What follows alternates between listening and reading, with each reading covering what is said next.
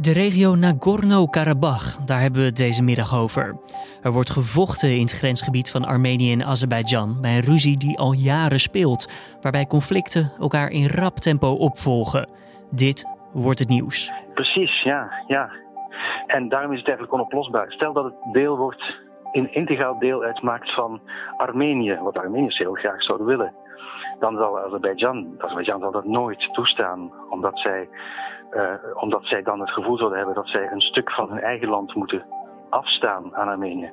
Johan de Boze, auteur en Oost-Europa-deskundige hoor je alvast. Zo meer over de situatie daar. Maar eerst kort het nieuws van nu.nl. Mijn naam is Julian Dom en het is vandaag maandagmiddag 5 oktober. In de afgelopen 24 uur zijn er ruim 4581 nieuwe coronabesmettingen vastgesteld. Dat meldt het RIVM. Zondag lag het aantal nog op zo'n 4000 stuks.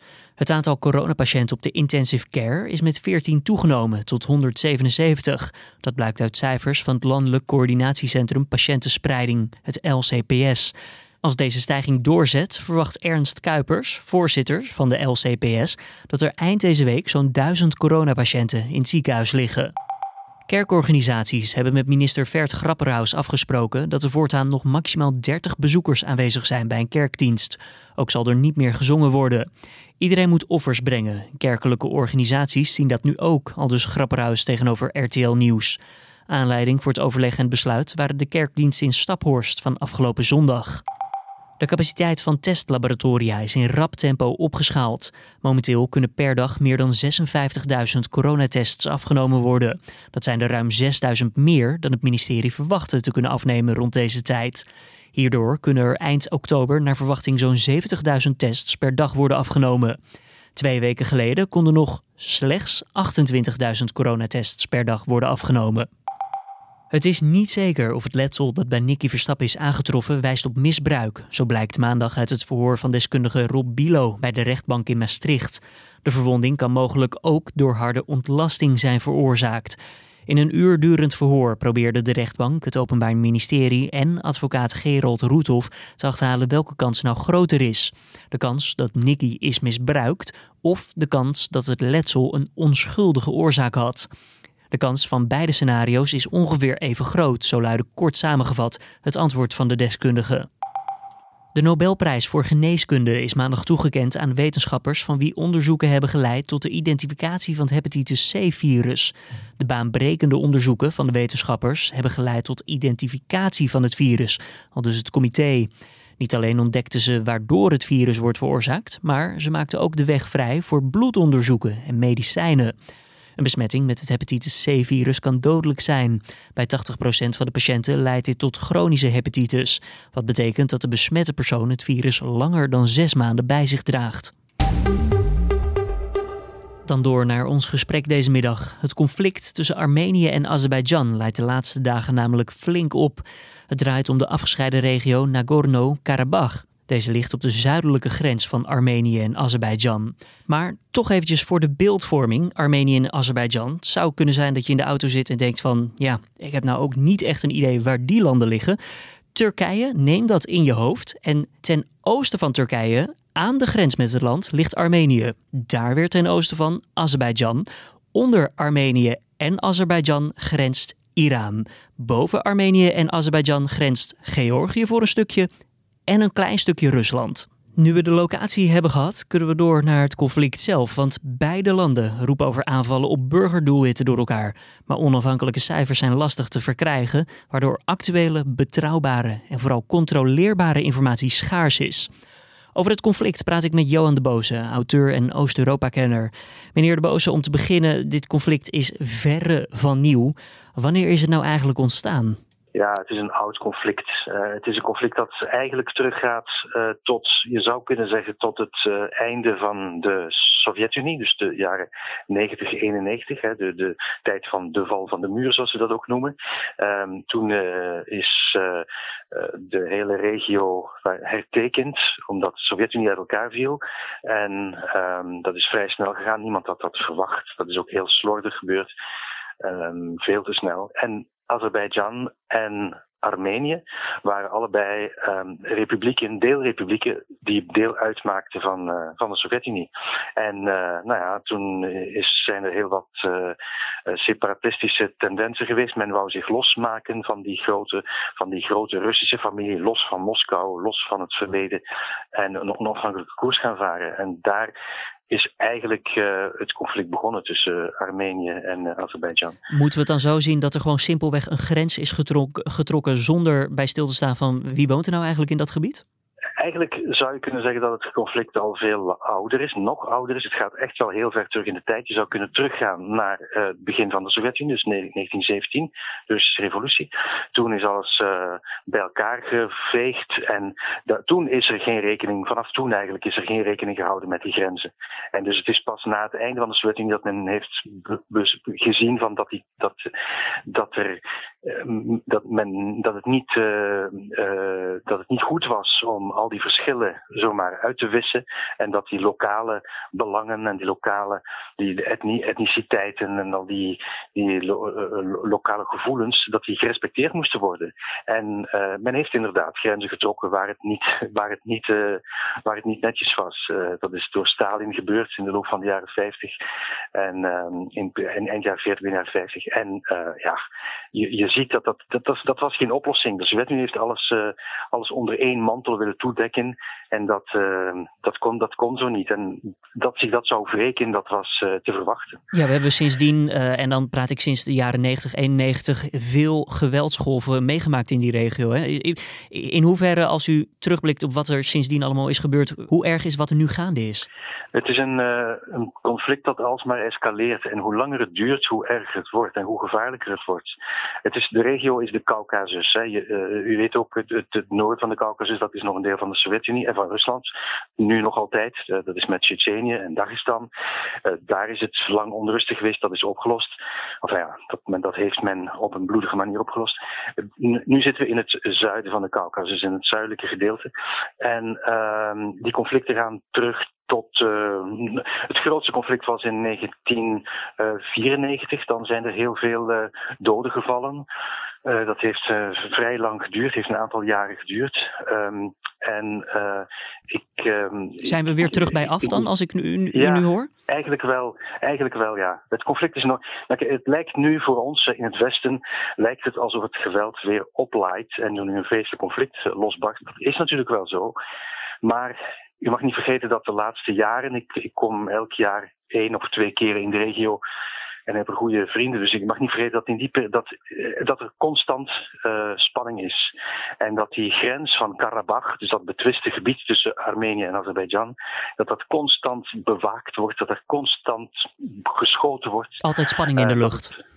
Ja, precies. En dat het ook gevaarlijk is om daar naartoe te gaan. Ik ben er een aantal, aantal keren vlakbij geweest, al een keer naartoe gegaan. Ook soms was het te gevaarlijk, omdat er gewoon uh, geweld in de lucht hing. Je wist nooit precies wat er zou gebeuren. Eer en trots zijn woorden die vaak naar voren komen bij dit conflict. Blijkbaar belangrijk voor beide partijen. Maar gaat het ook nog ergens anders om? Ligt er bijvoorbeeld iets interessants in het gebied? Ik noem maar wat, uh, mineralen. Of heeft het een strategisch uh, belang qua ligging? Um, Karabach op zich heeft eigenlijk niets bijzonders. Het is een een, een lap grond. Het is een, uh, een anderhalve keer onze, onze provincie uh, in de Lage Landen. Het is niet, uh, het is 150.000 inwoners. Um, het is een bergland. Er wonen landbouwers, boeren. Um, er staan nog wat hele oude, mooie christelijke kloostertjes. Dat is het. En dan zou je kunnen zeggen, waar, waar maakt men zich in godsnaam druk over? Maar het is natuurlijk een stuk land dat voor de Armeniërs is het, heet het Artsach. Ze hebben daar een heel oud, een duizend jaren, duizenden jaren oud woord voor. En um, het is een beetje de bakermat van hun cultuur. Zij beschouwen het als de, de bakermat ook van de christelijke cultuur. Um, en, uh, en voor de Azerbeidzjanen, de Azeris, is het, uh, nou het ligt op hun grondgebied, of een land dat zij als hun land beschouwen. En dat, nou ja, uh, volgens bepaalde afspraken ook hun land is natuurlijk. En um, dus het is een, uh, het, het, is een onoplosbaar gebied, een onoplosbaar conflict. Zijn er dingen te vinden? Ja, Azerbeidzjan heeft, heeft bodemrijkdommen, heeft olie. Dus dat is belangrijk. Uh, Armenië is bijzonder arm, heeft helemaal niets. Ehm, oude mijnen hebben ze, steenkoolmijnen, um, kopermijnen, dat soort dingen. Maar voor de rest eigenlijk heel weinig. Ze hebben wel heel vruchtbare grond. Maar ja, dat, dat, dat, dat is niet, uh, niet kostbaar genoeg. Uh, dus, maar dan komen we erop neer. Het eer en trots ja. dus eigenlijk waar dit op neerkomt. Natuurlijk. Ja, voor een groot stuk wel, ja. En natuurlijk de belangen van de buren. Uh, want het zijn kleine landjes. Althans, ja, deze landen vechten het niet alleen af. Volgens mij Turkije en Rusland hebben een aardige vinger in de pap. Precies, ja. Um, elke, en Iran ook. Hè. Dus de, de, alle buurlanden hebben een belangrijke functie. De Russen um, die beschouwen het toch nog altijd een beetje als hun achtertuin. Uh, ze hebben zowel de Azeris als de Armeniërs in het verleden bewapend. Zij kijken nu zo'n beetje de kat uit de boom. Wat gaat er precies gebeuren? Uh, het oude principe van verdeel en heers. Hè, vecht het maar uit. En als, het, als jullie het niet meer kunnen oplossen, dan komen wij het wel oplossen. Zoiets. Dat is een beetje de oude politiek van Rusland. Dan heb je grote buur Turkije, aardsvijand van Armenië, um, al sinds lang. Um, en nou ja, als zij een heel een reus van een land, dat is een, gigantisch land met een machtig leger, um, ook een soort dictatuur. En uh, nou ja, als zij er zich mee gaan bemoeien, dan wordt het wel helemaal, uh, dan wordt het echt gevaarlijk. Um, en dan heb je Iran in het uh, zuiden. Um, een islamitisch land dat zich uh, verwant voelt met Azerbeidzjan, omdat het ook een islamitisch land is, ook taalkundig en qua, qua sociale structuur is het vergelijkbaar. Um, en, maar, maar, Iran onderhoudt tegelijkertijd heel goede banden met, uh, met Armenië, hoewel Armenië een, een, christelijk land is. Waarom dat dan? Nou, dat heeft, ik denk dat dat te maken heeft met. Uh, het feit dat uh, in het verleden. Het is, het is merkwaardig, ik, ik vraag me ook af waarom het zo is. Maar ik denk dat het te maken heeft met het feit dat de Armeniërs. In het geval van, dus van Armenië, van vanuit dat perspectief bekeken, dat de Armeniërs uh, zich echt wel los willen maken van Rusland. Um, en dat ze dan liever goede zaken doen met, uh, met Iran dan met Rusland. Daar kunnen ze bijvoorbeeld goedkopere olie krijgen. Um, Rusland staat dat niet toe, maar het gebeurt toch illegaal en zo. Dus er, is, er, is, er wordt handel gedreven met Iran op een, op een op een gemoedelijke manier. Niet op een, uh, dat, dat, zijn geen vijanden. Hoewel de politiek natuurlijk wel uh, verschillende standpunten hebben, maar ze zijn, staan niet vijandig tegenover elkaar. Maar als er dan economisch um, gezien toch wel een soort van overeenkomst te, krijgen, te vinden is tussen de, ja, ook de achterliggende landen die hier een rol spelen in dit conflict, is er dan, nou ja, zit er dan een oplossing in het verschiet op korte termijn om misschien toch samen eruit te komen? Kijk, het, het, um, het probleem is, is al zo oud en ik, ik vrees dat er geen oplossing is zonder geweld. Uh, je zou kunnen zeggen vanuit het standpunt natuurlijk van ja, je kunt allemaal rond de tafel gaan zitten en het probleem uh, bespreken en een compromisoplossing zoeken. Dat zouden wij wellicht hier doen. Maar uh, het zijn, laten we niet vergeten, het zijn Caucasische volkeren. Het zijn mensen met een vurige ziel. En um, ze gewoon met elkaar praten over conflicten die soms duizenden jaren oud zijn, dat zit er niet direct in. En uh, de gemoederen lopen vaak heel hoog op. En het is heel explosief, heel vaak. Het is heel delicaat. Um, dus een onderhandeling, ja, ik, ik hoop ook dat het zo gebeurt natuurlijk, maar dat stukje grond, Karabach, is.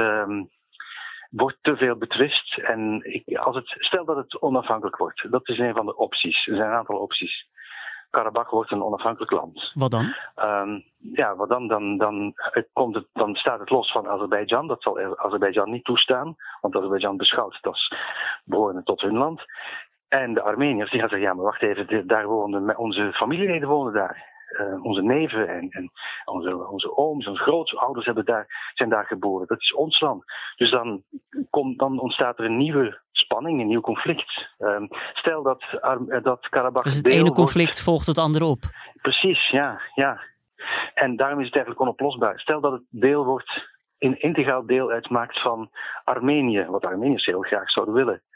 Dan zal Azerbeidzjan, Azerbeidzjan zal dat nooit toestaan, omdat zij uh, omdat zij dan het gevoel zouden hebben dat zij een stuk van hun eigen land moeten afstaan aan Armenië.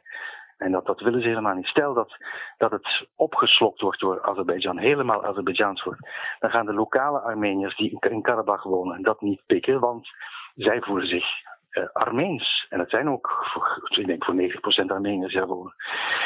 Dus er is, eigenlijk is er geen oplossing. Uh, het enige wat je kan bedenken is dat dat er gepraat wordt met, de, met elkaar en met de grote buren. En dat ze tot een, ehm, tot een compromis komen. Dat, dat is het enige wat we mogen hopen. Intussen wordt er gevochten en sterven er op dit moment mensen. Dus het is, het is een vreselijke situatie.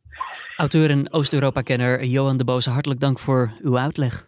Graag gedaan. Dan door naar ons weerbericht van Weerplaza. Vanavond neemt vooral landinwaarts de buiigheid wat af. Maar het komt snel weer terug, want later vannacht zorgt een gebied met buiige regen voor nattigheid door heel het land. De temperatuur die daalt naar zo'n 11 graden. En morgen is het weer grotendeels bewolkt, met dan ook een flinke kans op buien. Om af te sluiten, Cineworld, een van de grootste bioscoop-exploitanten ter wereld, houdt in de Verenigde Staten en het Verenigd Koninkrijk de deuren tijdelijk gesloten. Het gaat hierbij in totaal om meer dan 530 bioscopen in de VS en bijna 130 bioscopen in het Verenigd Koninkrijk. Het besluit heeft voor 55.000 werknemers kleine tot grote gevolgen. Nu de nieuwe James Bond film is uitgesteld tot volgend jaar, lijkt de exploitant eieren voor zijn geld te kiezen door alles dicht te gooien. Wanneer de deuren weer worden geopend, is volgens het bedrijf afhankelijk van de coronasituatie. En dit was dan de Dit Wordt Het Nieuws middagpodcast. Tips of feedback zijn welkom via het bekende adres, dat is podcast.nu.nl. En dan wens ik je voor nu een fijne middag. Morgenochtend zijn we er weer met de podcast om 6 uur ochtends op de voorpagina bij nu.nl. Mijn naam is Julian Dom en ik zeg dan ook tot dan.